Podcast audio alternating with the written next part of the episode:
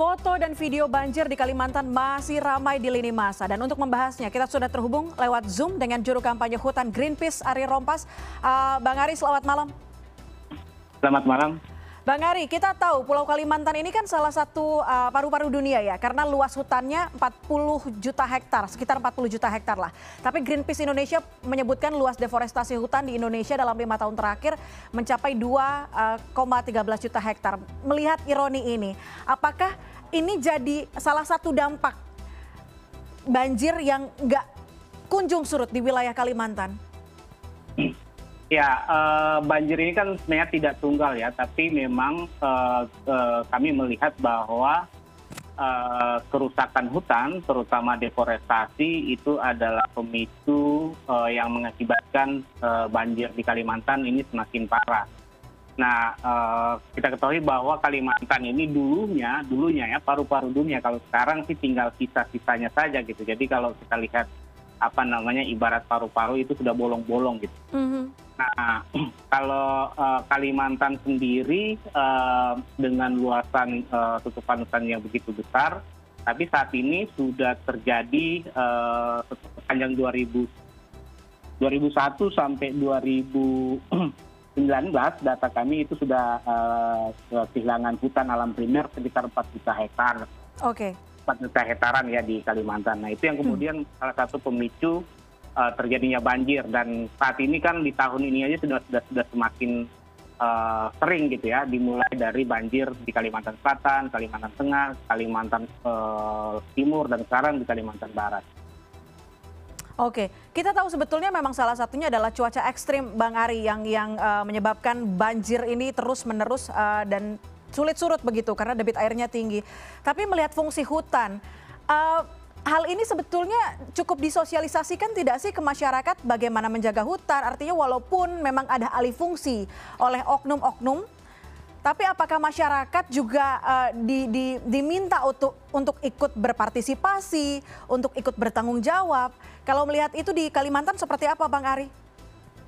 Sama gini ya, bumi ini adalah rumah kita, jadi semua orang ini wajib menjaga rumah kita. Gitu tapi uh, yang paling harus dilihat siapa yang paling bertanggung jawab atas terjadinya kerusakan kerusakan terutama deforestasi. Mm-hmm. Jadi kami melihat memang ada ada kebijakan yang kemudian uh, apa membiarkan uh, terus-terusnya terjadinya kebakaran sorry uh, deforestasi, uh, kemudian korporasi-korporasi besar yang kemudian dengan keserakahan mereka untuk mengakumulasi modal sehingga kemudian membabat hutan secara besar-besaran nah yang paling terkena dampak memang masyarakat ya tapi dalam dalam hal ini uh, ini sebagai rumah kita semua kita harus berbuat, berbuat uh, sesuatu gitu mm-hmm. artinya tapi yang memang harus memiliki tanggung jawab yang lebih besar adalah pemerintah dan korporasi itu sendiri karena mereka yang uh, mengakibatkan uh, apa pembukaan uh, lahan yang begitu besar mm-hmm. ya mhm, dan mhm. dampak yang dihadapi adalah sebenarnya masyarakat masyarakat yang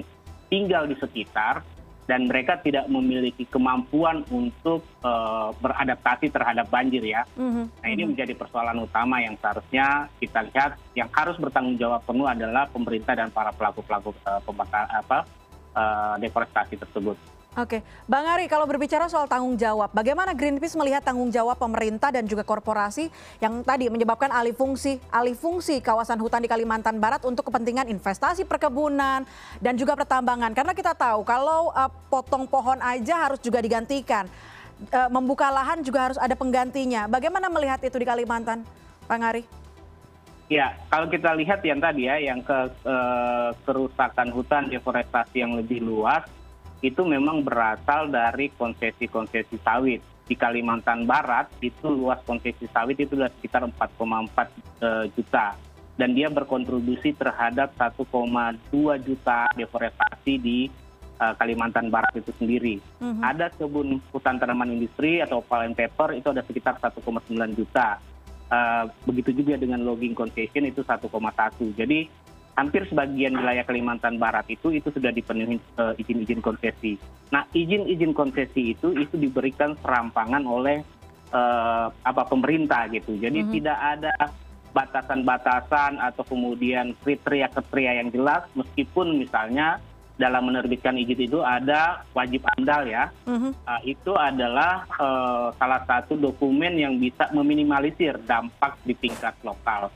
Juga termasuk dengan tata ruang. Tapi dari temuan-temuan kami itu banyak ditabrak ya karena problem-problemnya adalah kepentingan-kepentingan perusahaan itu sudah apa uh, uh, saling bersinggungan dengan kepentingan pemerintah Mhm. sehingga pembangunan yang terjadi itu adalah mengekstraktif eh, alam termasuk eh, berbasis lahan dan akibatnya adalah eh, kerusakan lingkungan eh, banjir yang semakin eh, eh, apa eh, meluas ah, dan tentu dampaknya terhadap eh, lebih luas kepada masyarakat sehingga memang regulasi yang perlu di- diatur itu adalah regulasi Mhm. dan kemudian eh, merubah sebenarnya sistem atau model pembangunan kita yang tadi eh, dia tidak sejalan dengan pembangunan yang berkelanjutan. Jadi karena dia ekstraktif, kemudian berbasis la- skala luas, eh, sementara aspek-aspek keberlanjutan itu diabaikan. Oke, Eh, Bang Ari, kalau kita tarik mundur dari banyak kebakaran hutan yang terjadi di Kalimantan, Kalimantan Tengah, Kalimantan Barat, kita tahu putusan MA sempat membebaskan perusahaan dalam kasus Karhutla dianggap sebagai presiden buruk. Tanggapan Greenpeace? Ya, jadi gini ya, eh, eh, di Kalimantan Tengah juga sebenarnya eh, Presiden Jokowi juga sudah diputus bersalah karena lalai dan abai untuk menjalankan eh, atau memenuhi hak atas lingkungan hidup yang sehat adalah hak asasi manusia. Mhm. termasuk warga di Kalimantan. Nah itu ada peran pemerintah yang sudah kemudian diputuskan oleh pengadilan dan sayangnya hingga saat ini itu tidak dijalankan. Yang kedua adalah bagaimana sebenarnya penegakan hukum itu dilakukan secara sungguh-sungguh sehingga itu dia memberikan efek jerah. Mhm, Nah putusan yang terbaru dari kasus eh, apa sa- salah satu perusahaan di Kalimantan Tengah juga ya mhm. itu akan memberikan presiden buruk. Tapi eh, kita tidak apa ya? em, kalau menurut saya itu saya tidak eh, tidak eh, kaget gitu karena kemudian eh, di omnibus law yang ada namanya prinsip prinsip liability. Jadi ada tanggung jawab mutlak yang harus eh, dikenakan kepada perusahaan. eh, tapi kemudian itu sudah dirubah di omnibus law. Mhm, Nah, mhm. putusan di pengadilan eh, sorry di ya di pengadilan Mahkamah Agung terkait dengan membebaskan perusahaan tersebut itu menunjukkan sebenarnya semangat itu karena kemudian perusahaan yang harusnya memiliki tanggung jawab mutlak itu tanpa perlu pembuktian itu kemudian hanya membuktikan bahwa dia sudah pasang plang Oke, gitu oke. sehingga kemudian Oke. dianggap itu eh, sudah dia sudah bertanggung jawab ini kan Mhm. eh, apa ya eh, eh, mengecewakan sekali Betul, oke. tapi memang eh, tadi karena kepentingan eh, pemerintah termasuk dengan perusahaan itu sudah satu sehingga Mhm. eh, mereka mampu merubah kebijakan termasuk juga melemahkan penegakan hukum gitu. Oke, Bang Ari, tapi kalau kita berbicara soal eh, bencana yang terjadi di Kalimantan, ada sebuah riset dari University of Arizona mencatatkan akan ada tambahan 179 juta orang baru di dunia, termasuk di Pulau Kalimantan dan juga Sulawesi yang terdampak banjir tahun 2030 dan sebagian besar karena perubahan demografi, Bang Ari. Apakah ini juga juga eh, diprediksi sudah diprediksi oleh Greenpeace? eh, Greenpeace? Ya, jadi memang eh, sangat sangat beriringan ya namanya apa namanya demografi itu itu akan terus, terus terjadi. Eh, apa namanya pertambahan penduduk itu semakin eh, meningkat. Nah itu seiring dengan daya dukung dan daya tampung lingkungan.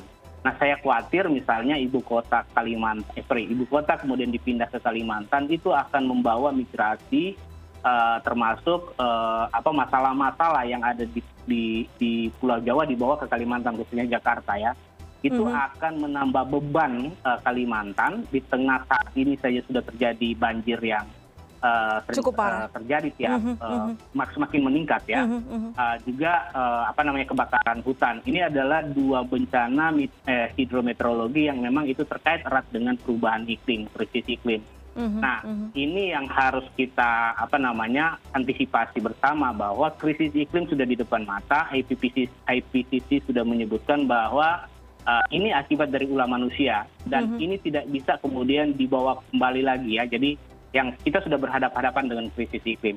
Di tengah situasi krisis iklim yang saat ini sedang uh, mengancam, Mhm, demografi itu juga akan terus meningkat jadi kita harus ada perlu keseimbangan Oke. nah bagaimana keseimbangan itu dilakukan adalah merubah sebenarnya model-model pembangunan Mhm. yang memang merusak dan beralih kepada eh, model-model pembangunan yang ramah lingkungan termasuk dengan beralih pada energi-energi yang terbarukan, Terbarukan. termasuk menghentikan eh, deforestasi sehingga Oke. eh, bonus demografi eh, ke depan gitu generasi ke depan itu eh, bisa menikmati eh, apa ya setidaknya mereka kemudian tidak mengalami situasi yang krisis eh, yang eh, bertambah eh, karena eh, terjadinya krisis. Oke, bahaya krisis iklim sudah semakin nyata.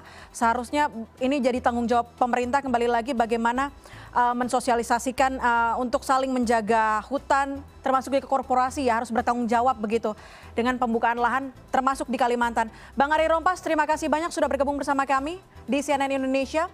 Terima kasih, selamat malam, sehat selalu. Terima kasih, selamat malam.